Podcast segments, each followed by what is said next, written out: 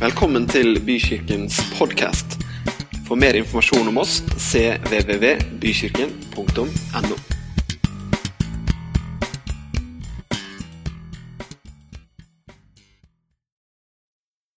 Og hvorfor jeg har lyst til å snakke litt om Adam? For i Bibelen så snakkes det om den første Adam. Det var han vi møter i første Mosebok, kapittel 2 og litt. rann. Og så har vi neste Adam, den siste Adam, den andre, som var Jesus Kristus. Som også kom til å bli to. Adam betyr jo menneske på hebraisk. betyr Adam menneske. Eh, da Gud skaper Adam, så, så former han jo Han former kroppen av støvet eh, på jorda. Eh, og forteller oss da at kroppen den, den blir tatt av jorda. Den kommer av, av jorda, av støvet. Og så sier Bibelen at Gud puster inn i nesa. Inn pneuma. Puster inn og gir mennesket blir til en levende sjel. Får altså liv av Gud. Og Derfor er det også den kristne læren så er det jo en tanke om at eh, kroppen og sjelen det henger sammen, men kroppen er også et sted hvor sjelen bor. Sånn at når sjelen forlater kroppen, så blir jo kroppen til det den kom fra igjen, og det er jo jord. Av jord har du kommet, til jord skal du bli, og jord skal du atter gjenoppstå. Da formet Herren Gud mennesket av jordens støv. Han blåste livspust i nesen på det, og mennesket ble til en levende skapning. Når Adam og Eva blir skapt, så blir de satt i Edens hage. Som er et stort område. Det er ikke en liten uh, hageflekk, liksom. Det er, det er, et kjempestort område. Uh, og det står der at uh, de ble satt i Edens hage, hvor det var masse flotte natur som de kunne nyte og spise og ha det fint. Men de ble satt i Edens hage, og Edens hage var et sted hvor det ikke var et syndefall som hadde skjedd. Det var et rent sted. Det var et sted som var et uskyldent sted. Ikke sant? Så omgivelsene til Adam og Eva kan vi si var i total uskyld, uten synd. Og når Adam skapes av Gud, så ble han også skapt i Guds bilde, i uskyld, uten synd. Og Bibelen forteller oss at de har et fantastisk fellesskap med Gud, eh, som du kan lese der i første Mosebok. Og det fantes altså heller ikke noe synd i naturen til Adam. Han var i uskylden. Så han, han var av en annen skal vi si, tilstand enn det vi er i dag. Jeg skal komme tilbake til det. Adam hadde ingen erfaring med ondskap. Han hadde ingen referanser til synd eller ondskap. Han kjente bare Gud. Han hadde uskylden i seg, han hadde uskylden rundt seg. Så han hadde altså ingen referansepunkter til det onde. Det er litt viktig å skjønne. Og de hadde et utilslørt fellesskap med Gud. Og noen filosofer, teologer, mener jo det at det fellesskapet de hadde med Gud, det var så, det var så altoverskyggende at det herre sanselige som vi er vant til å se med, det ble på en måte nesten som et slørende. Så de så ikke at de var nakne, f.eks. Før etter syndefallet. Da blir de veldig sanselige. Men før syndefallet så er det ikke det sanselige som dominerer dem i det hele tatt. Det er fellesskapet, det er det hellige, det er fellesskapet med Gud. Og så er det sånn i første Mosebok, kapittel 2, vers 15-17, så står det om at de fikk ett bud av Gud. Ett bud. Der står det Så tok Herren Gud mennesket satte det i dens hage til å dyrke og passe den. Og Herren Gud ga mennesket dette budet. Du må gjerne spise av alle trærne i hagen, men av treet til kunnskap om godt og vondt må du ikke spise. For den dagen du spiser av det, skal du dø. Ett bud. Veldig enkelt. Men så kommer spørsmålet, da. Hvorfor i all verden for vi, vi vet jo litt åssen historien går litt lenger ned i gata her. Hvorfor i all verden satte Gud det treet i hagen der? Hvordan kunne han være så dum? Hvorfor satt han ikke treet uh, utafor Edens hage? Altså, hvorfor satt han ikke et helt annet sted? Eller at han bura det inn? Eller at han i det hele tatt ikke satt et sånt tre noe sted? Da hadde de jo ikke hatt muligheten til å synde. Er ikke det egentlig et godt spørsmål? Han burde jo ha skåna deg fra å komme i den situasjonen. At de kunne finne på å spise av det. Og da Det er jo veldig bra at han satte det der. Han, fordi at det, når Gud skaper mennesket, så skaper mennesket i sitt bilde. Og da vil det si at mennesket må liksom være konstituert sånn som Gud er. Det vil si at man må ha fri vilje, og man skal ha ekte kjærlighet. Og det er jo sånn at Hvis ikke det eksisterer fri vilje, så kan det, det kan ikke eksistere ekte kjærlighet uten fri vilje. Kan vi være enige om det? Det går jo ikke. Og det er jo også sånn at for at de i det hele tatt skulle ha mulighet til å på en måte vise eller kunne forholde seg til at de hadde fri vilje, så måtte de ha mulighet til å velge noe. Ikke sant? Hvis du ikke har muligheten til å velge noe, så kan du heller ikke få brukt den frie viljen din. Da er du liksom i Nord-Korea, ikke sant? Hvor alle må elske Kim Il-jung. Det er et påbud. Og sier du noe annet eller gjør noe annet, så blir du Og alle elsker jo Hvis du spør hvem som helst i Nord-Korea, så alle elsker Kim Il-jung. Ikke sant? De gråter, og de er kjempe Men det er ikke helt det forholdet Gud ønsker å ha til mennesket som en diktator. Han ønska jo at mennesket skulle elske Gud av hele sitt hjerte, all sin kraft og all sin forstand. Det er det som går igjen i hele historien etterpå. Så, så hvis Gud hadde satt mennesket i en situasjon der det ikke var mulig å velge noen ting, det var ikke mulig å velge kjærlighet, så hadde det her med fri vilje og ekte kjærlighet det hadde vært annullert. Det hadde ikke eksistert, rett og slett. Derfor så gjør Gud det. Og det ble satt åpent tilgjengelig. Så Gud han tok en risiko. Men alternativet hadde vært at vi var frarøva muligheten til å elske. Og det, det, er faktisk Det tenkte jeg på, det kan vi tenke litt på noen ganger. F.eks. i barneoppdragelse og sånne ting. Vi kan jo ha veldig gode intensjoner med å beskytte, f.eks å få barna våre inn i en sånn boble hvor de ikke kommer i kontakt med noe som er farlig. De må ikke velge noen ting. Det er min personlige mening, da, men jeg, jeg orker ikke å ha sånn der overvåkingsklokke på barna. liksom. Jeg sitter og følger med det. Hvor er nå, hvor er nå, hvor er nå? Jeg er kjempebekymra hele tida. Vi kan jo lage et sånt kontrollsystem for ungene våre. Vi kan lage kontrollsystem for ektefellen vår, hvor vi er utrolig drevet av sjalusi. Hvor vi skal beskytte dem hele tida fra å komme i situasjoner. Hvor har du vært da? Hvor har du, har du vært ute og spist med noen venninner? Ja, ok. Ja, Hvor dro dere etterpå, da? Nei, vi dro, vi dro litt videre etterpå, da. På, ja, vel, ja, vel, Hvem var du sammen med der? Det traff vel ikke noe det var, noen, det var ikke noen menn som var med og spiste med dere. Det var bare venninner, ikke sant? Ja. ja, ja, nei, det var en mann da. Ja vel, var det det? Hvem var han? Nei, Jeg vil ikke at du skal gå ut og spise mer med venninnene dine.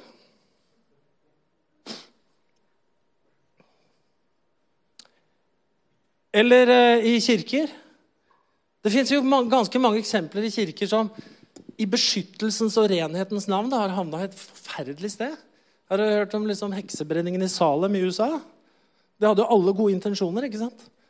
Om å bevare renheten og beskytte folk fra å komme i vanskelige situasjoner. Og så går det veldig gærent. Det fins mange sånne eksempler i kristen historie.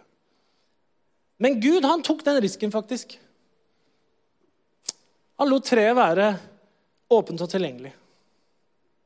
Yes. Hvis jeg skal tvinge ektefellen min til å elske meg, da går det gærent. Hvis jeg skal tvinge barna mine til å elske meg, så går det gærent. Jeg må satse på at den kjærligheten som jeg gir, og måten jeg lever på, det er nok til at de elsker meg frivillig tilbake. Og kanskje, de, kanskje det er noen ganger de ikke gjør det. Og kanskje det er noen ganger jeg ikke gjør det. Fordi vi blir litt som Adam og Eva, vi går feil. Men Gud han setter dem altså i en frihet som er enorm, og som er veldig risikofylt. Da. Og så kommer jo dette, her, dette alvorlige, som er syndefallet. Så er det første Mosebok 3, 1-7. Men slangen var listigere enn alle ville dyr som Herren hadde laget. Den sa til kvinnen Det er jo et bilde på djevelen, da. Har Gud virkelig sagt at dere ikke kan spise av noe tre i hagen? Kvinnen sa til slangen, vi kan spise av frukten på trærne i hagen, men om frukten på treet som står midt i hagen, har Gud sagt, dere må ikke spise av det og ikke røre ved dem, for da skal dere dø. Da sa slangen til kvinnen, dere skal slett ikke dø, men Gud vet at den dagen dere spiser av den, vil øynene deres bli åpnet, og dere vil som Gud bli som Gud og kjenne godt og ondt. Nå fikk kvinnen se at treet var godt å spise og en lyst for øyet, et forlokkende tre, siden det kunne gi innsikt. Så tok hun av frukten og spiste. Hun ga også til mannen sin, som var sammen med henne, og han spiste. Da ble deres øyne åpnet, og de skjønte at de var nakne. De flettet sammen fikenblader og bandt dem om livet. Her skjer jo syndefallet. Og Spørsmålet er jo egentlig hvordan, hvordan kunne de få seg til å synde? da? det er en forskjell her på Adam og oss. da, fordi at eh, De hadde jo ikke synden i seg. De hadde ikke, de, de hadde ikke kjødet og de, de, kjødelige, syndige lystne i seg. Så hva var det da som liksom lokka dem? Eh, og hva er død? Når, når, slangen sier at hvis dere spiser, så skal dere dø Altså, De hadde jo ingen erfaring med død. De visste jo ikke hva død var for noen ting. De hadde jo evig liv. Og, og det rundt dem var heller ikke under forgjengelighet, så de hadde jo ikke noe forhold til død. Så når djevelen sier da, da Når Gud hadde sagt da kommer dere til å dø, så hadde han egentlig advart dem mot noe de ikke helt skjønte. Det er jo skrevet mye om det. Men eh, Søren Kirkegård han er dansk teolog, filosof fra 1800-tallet. Han skriver i boka si 'Begrepet angst' at uskyldighet er uvitenhet om det her. Altså, de, ikke, de, hadde, de, hadde, ikke begrep om hva som egentlig holdt på å skje. Så, så hva det som fikk dem til å synde? Det som liksom lokka dem utpå? da? Fordi det å få kunnskap om godt og ondt skaper ikke nødvendigvis til at de endrer natur. Jeg mener, Gud hadde kunnskap om godt og ondt. Ellers hadde han ikke kunnet advart mot det. Han advarte jo mot å spise av det, for da fikk de kunnskap om godt og vondt. Djevelen visste, hadde kunnskap om godt og vondt, men de her de hadde tydeligvis ikke det. Så selv om Gud har kunnskap om det onde eksisterte, så betydde jo ikke det at Gud var syndig. Og det at djevelen hadde kunnskap om at noe var godt, betydde jo ikke at han var god. Han hadde bare kunnskap om det. Sånn at det å få kunnskap om det, det ville ikke nødvendigvis føre til at de forandra natur. Men det som skjedde, var at de valgte bort Gud i det øyeblikket de sa 'vi spiser'. Da valgte de bort Gud. Og livsforbindelsen til Gud ble brutt, han som er livet. Og på grunn av det så kom jo døden inn. Da begynte de å dø. Eller de døde åndelig, men forgjengeligheten kom jo inn i tilværelsen. da. Og plutselig så ser de, plutselig blir de veldig sanselige. Gud er borte. Og så blir de veldig sanselige og skjønner vi er nakne. Vi ser, vi lukter, vi hører og skjønner at vi er nakne og blir veldig sanselige. Så syndens lønn er døden, da. Og forbindelsen med Gud er brutt. Kirkegård skriver om det her, og han, han, tenker at de skjønte ikke hva de var med på. Det var som å stå, det var som å stå på kanten av et stup uten noen ende nede og kjenne suget etter å hoppe ut i noe de ikke visste hva var. Hvis jeg hadde vært på Prekestolen, det er sikkert mange av dere som har vært der, så er jeg helt sikker på at jeg ikke hadde gått ut på kanten og kikka. Jeg hadde krabba åla meg ut. Kanskje hadde turt å kikke. For det er, det er, et eller annet sug, ikke sant? For jeg kan fint stå på kanten her, for det er bare 30 cm ned. Det er ikke noe sug i det hele tatt på å ramle ned herfra. Hvis jeg hadde hatt en uendelighet nedenfor meg, da, så er det et eller annet sånn sug som jeg ikke hadde turt å kjenne på engang. Så Kirkegård mener at det må ha vært noe sånn de kjente. For de skjønte ikke egentlig hva de blir frista, de skjønte ikke egentlig hva de blir lokka, de skjønte ikke godt og vondt, de skjønte ikke død. Men det var noe, det var en mulighet til noe som de ikke forsto noe av. Som det var et sug i. Et eller annet uendelig. Og så hopper de uti det, og så skjer det som skjer. De tok, som han skriver, de tok spranget. De tok spranget. Og sånn kan det være med synden. For det forandrer oss nemlig. Synd forandrer oss. Og Da kan vi stå på en kant og så kan vi ta spranget, og så skjer det noe med oss som vi har med oss videre. Men Derfor er Adam spesiell. da. Men den store tragedien det er jo at synden kommer inn i menneskeheten og inn i verden. Derfor sier Bibelen noe om det. I eh, Romerbrevet kapittel 5 og vers 12 så sier Paulus som følger.: Derfor, liksom synden kom inn i verden ved ett menneske, og døden på grunn av synden, og døden slik trengte gjennom til alle mennesker fordi de syndet alle. Og Paulus er veldig klar på det her. og jeg, jeg tenker Kanskje en sal som vi sitter her, kanskje du er her som tenker jeg er utrolig syndig. Jeg gjør mye som er synd. Jeg ramler hele tida. Jeg har vaner, jeg har eh, avhengighet i livet mitt. Jeg har ting i livet mitt som er forkastelig, som er veldig syndig. Kanskje du er veldig sånn, tenker veldig mye sånn om deg selv. Så tenker du jeg er mye dårligere enn alle andre. Jeg er ikke så mye verdt som alle de andre. Jeg er mye dårligere kristen enn alle de andre. Som er så hellige og flinke. Kanskje du sitter her og tenker Husker ikke sist jeg synda, egentlig. Jeg gjør det veldig Veldig sjelden, egentlig. No one sins less than me. I'm the least sinner in the whole world. Som en kunne ha sagt. Men det Paulus er veldig klar på Synden kom inn i verden ved ett menneske. Altså, Synden kom ikke inn i verden med deg. Det er litt ammen til, forresten. Synden kom inn i verden ved ett menneske og døden pga. synden. Og døden trengte gjennom til alle mennesker fordi de syndet alle. Alle har synda. Alle har synda står uten ære innenfor Gud. Og Paulus er jo veldig klar på det. Hvis du har brutt ett bud i loven, det er det samme som å ha brutt alle, alle buda. Så det, det, er ikke noe å rose seg etter. Og Jakob sier det at eh, dersom vi sier at vi ikke har synd, da ljuger vi, da lyver vi, og sannheten er ikke i oss. Og alle har det. Og så er, så er, da greia hvordan forholder vi oss til det? Og hvordan kan vi seire over synden? Ja, det er nettopp det, tenker du. Det er akkurat det som er problemet. Nettopp det må vi snakke litt om. Altså, Erfaringen av synd er reell for alle mennesker. Spes kanskje spesielt hvis du har en relasjon med Gud, ønsker å ha en relasjon med Gud, så kanskje du blir ekstra oppmerksom på at det er visse eh, følelser, eh, begjær, eh, handlinger osv. som jeg gjerne ikke skulle kjent på i mitt liv, men som jeg gjør. Og det er et problem. Ja, på en måte så er det et problem. Men faktisk så er problemet også løst. Det er det vi skal komme litt fram til. Og det er det du må få med deg.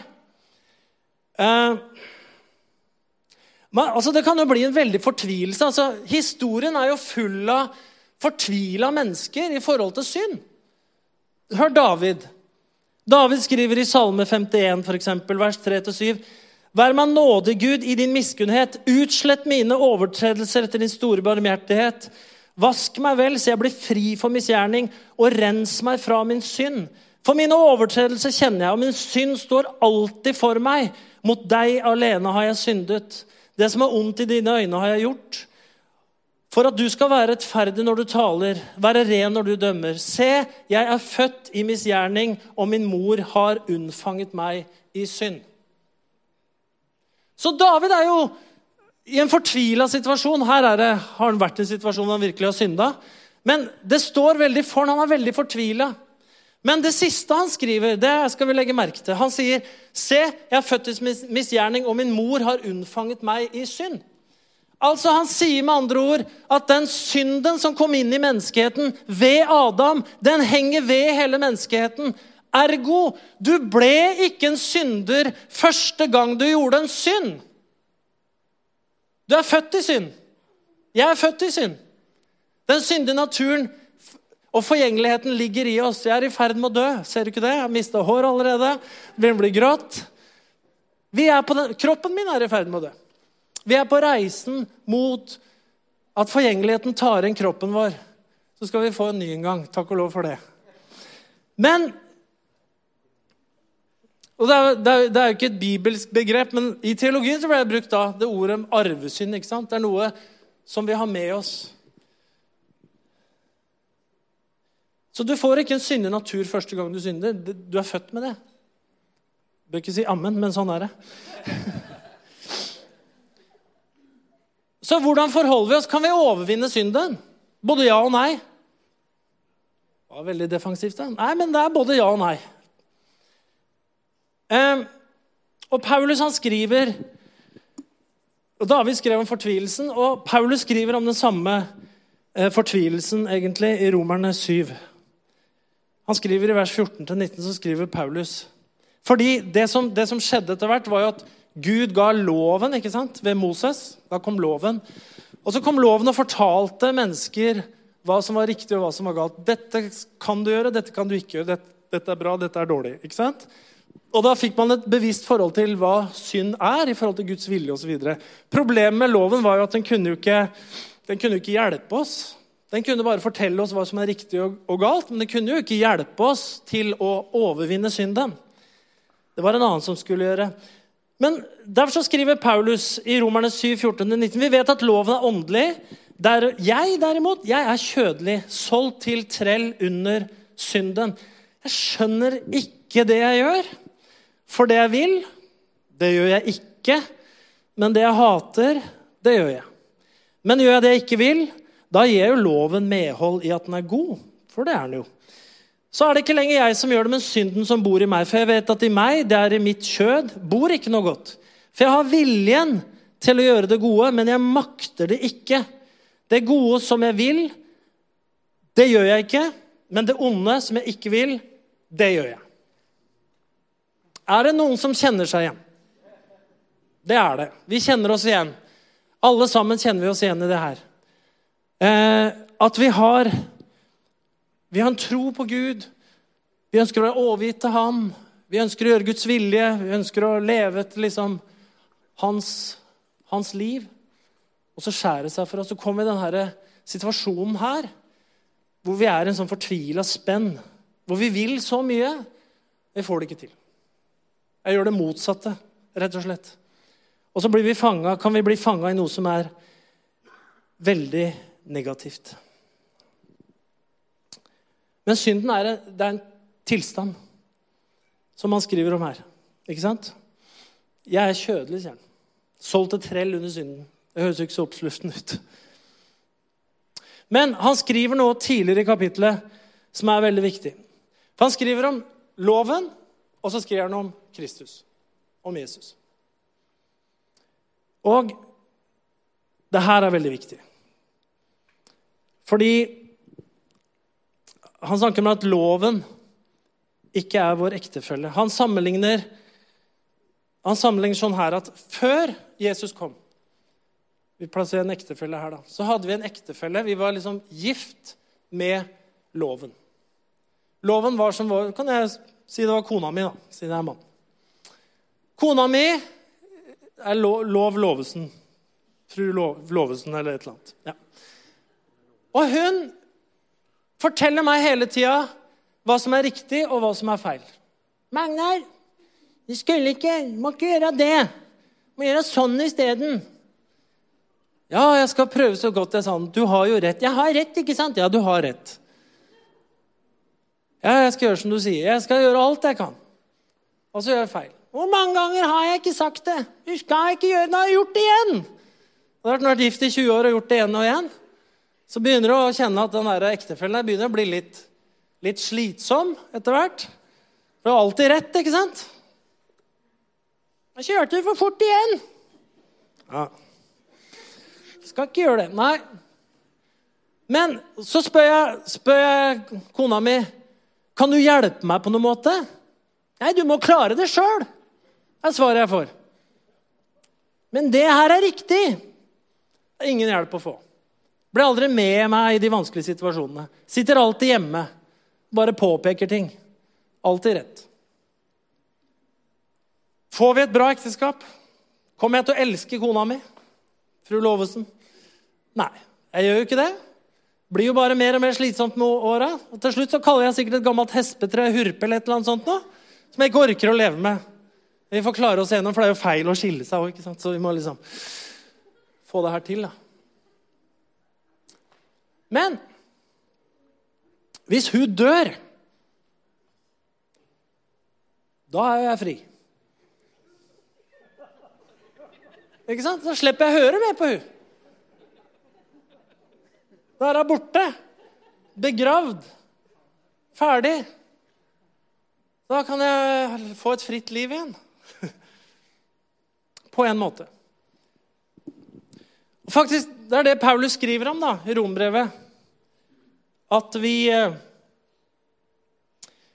I Romerne 7, 4-5 så står det, mine brødre slik døde også dere fra loven ved Kristi legeme, for at dere skal tilhøre en annen, han som er reist opp fra de døde, så vi kan bære frukt for Gud.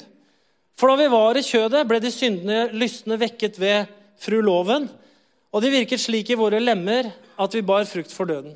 For du veit, du blir jo lei av hun der, som hele tida sier at du gjør feil, og hva du skal gjøre, og hvordan du burde ha gjort det. For du, for du har en natur som ikke klarer å hamle opp med alle de lovbuda. Så til slutt så blir det kanskje litt sånn nå, nå bare gjør jeg det likevel. Uten at du veit det. For nå er jeg så lei. Vi får et opprør i oss. Men det Bibelen sier, er at eh, vi ved Kristus Slik døde dere fra loven ved Kristi legeme. Når, når Jesus dør, når vi blir en del av han, så dør vi fra loven.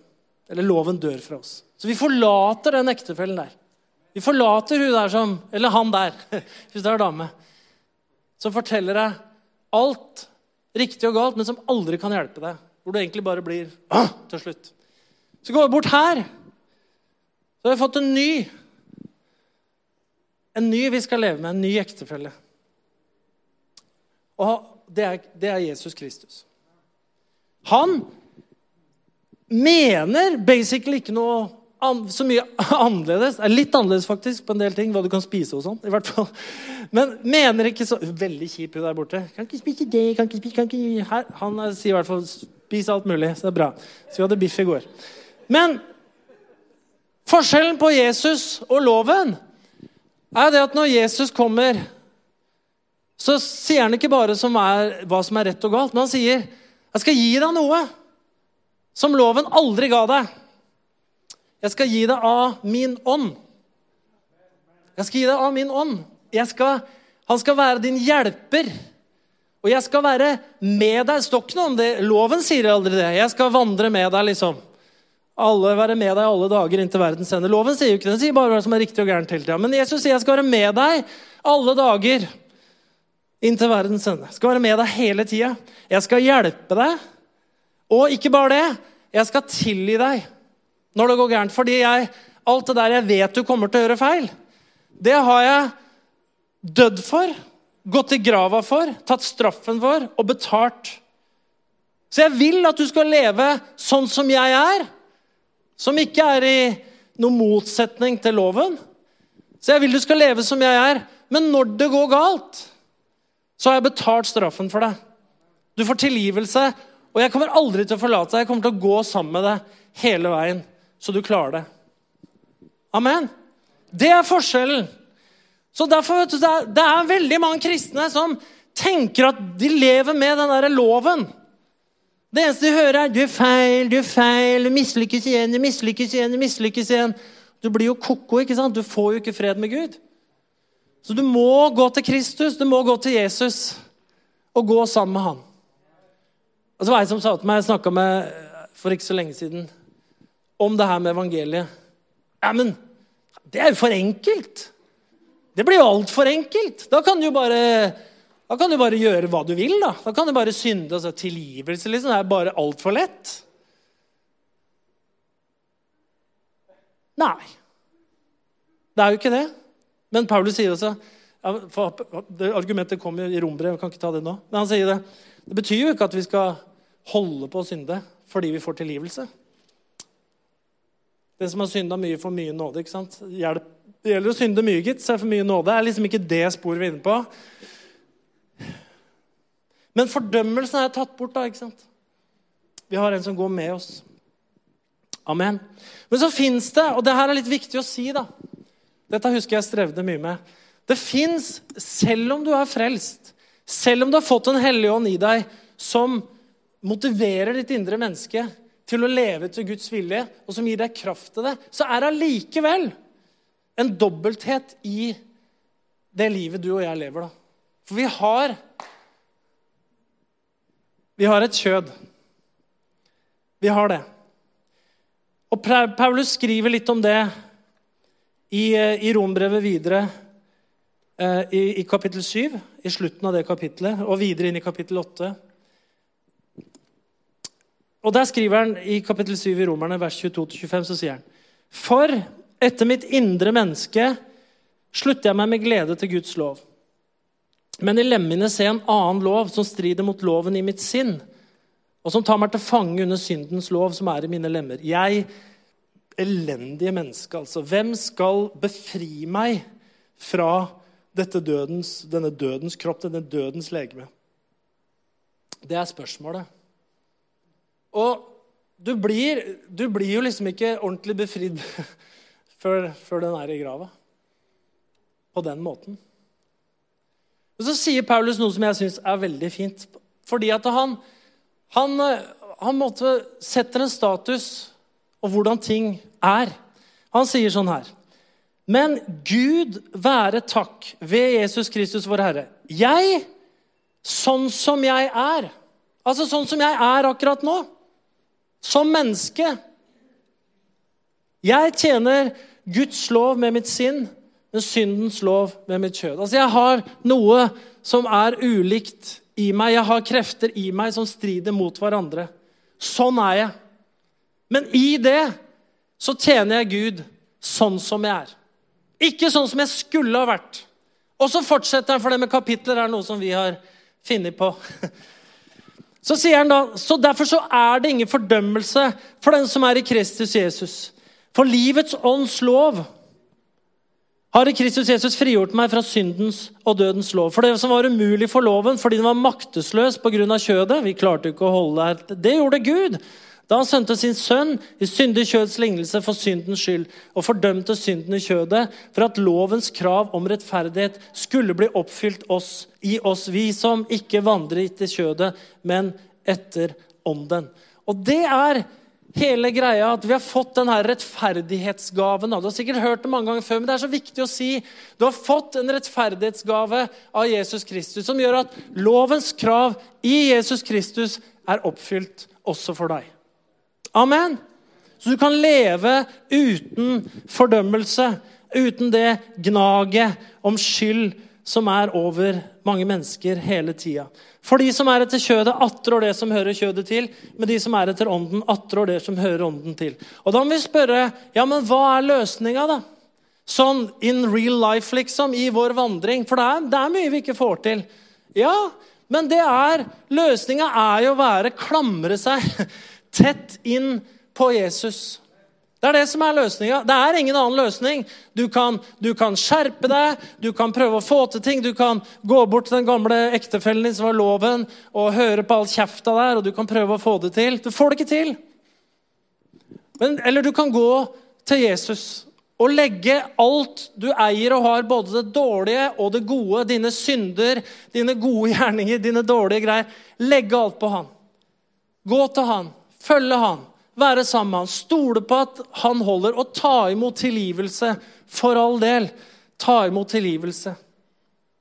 Guds tilgivelse er åpen for alle som bekjenner sine synder. Det er det som er så fantastisk. Ja, hvor mange ganger, spurte disiplene, hvor mange ganger kan man synde, da? Syv, liksom? Samme greia?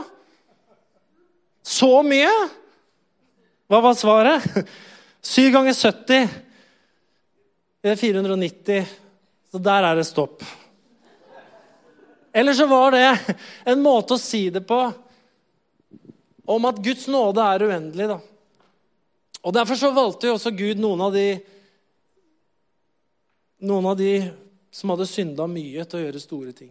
Paulus hadde forfulgt de kristne, hadde sørga for drap, avrettelser, fengselsstraffer osv. for kristne. Det sto veldig tydelig for han, jeg tror det er Timoteus han skriver det til, at det fins ingen større synder i verden enn meg. Jeg er den største av dem alle, sier Paulus om seg sjøl. Så det betydde ikke en sånn eh, likegyldighet til synden han hadde gjort. Det betyr ikke at han hadde ignorert den eller tok lett på det han hadde vært med på. Han hadde veldig stor erkjennelse på det. Men han hadde også fått tatt imot Guds nåde og kunne leve som en fri mann da, videre. Amen.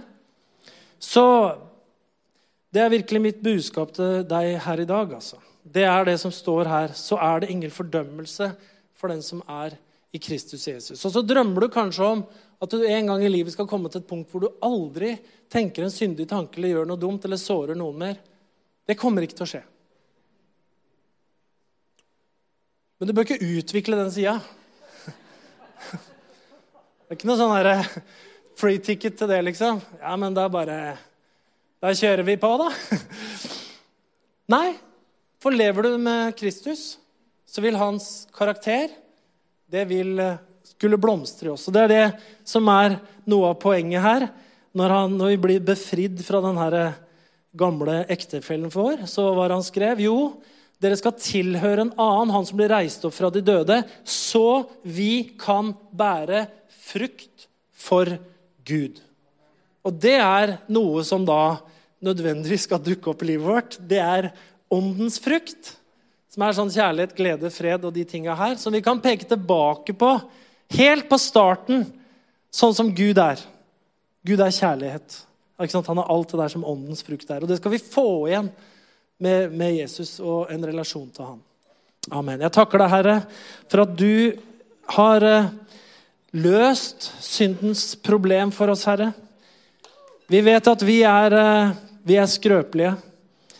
Vi har et kjød, vi har eh, syndige lyster og begjær som vi kan kjenne på. Men vi takker deg også, Herre, for at vi har fått lov å dø bort fra den gamle ektefellen. Vi har fått lov å dø bort fra loven, som bare fortalte oss hva vi gjorde feil. Og så har vi fått lov å komme til deg, Jesus, og ta imot tilgivelse og ta imot styrke og kraft til å leve.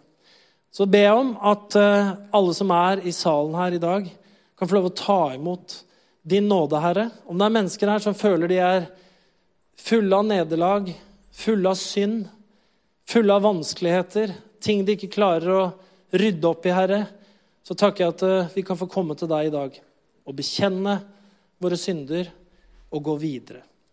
I Jesu Kristi navn. Vi kan ta oss og reise oss opp, alle sammen. Vi skal sikkert få litt lovsang her.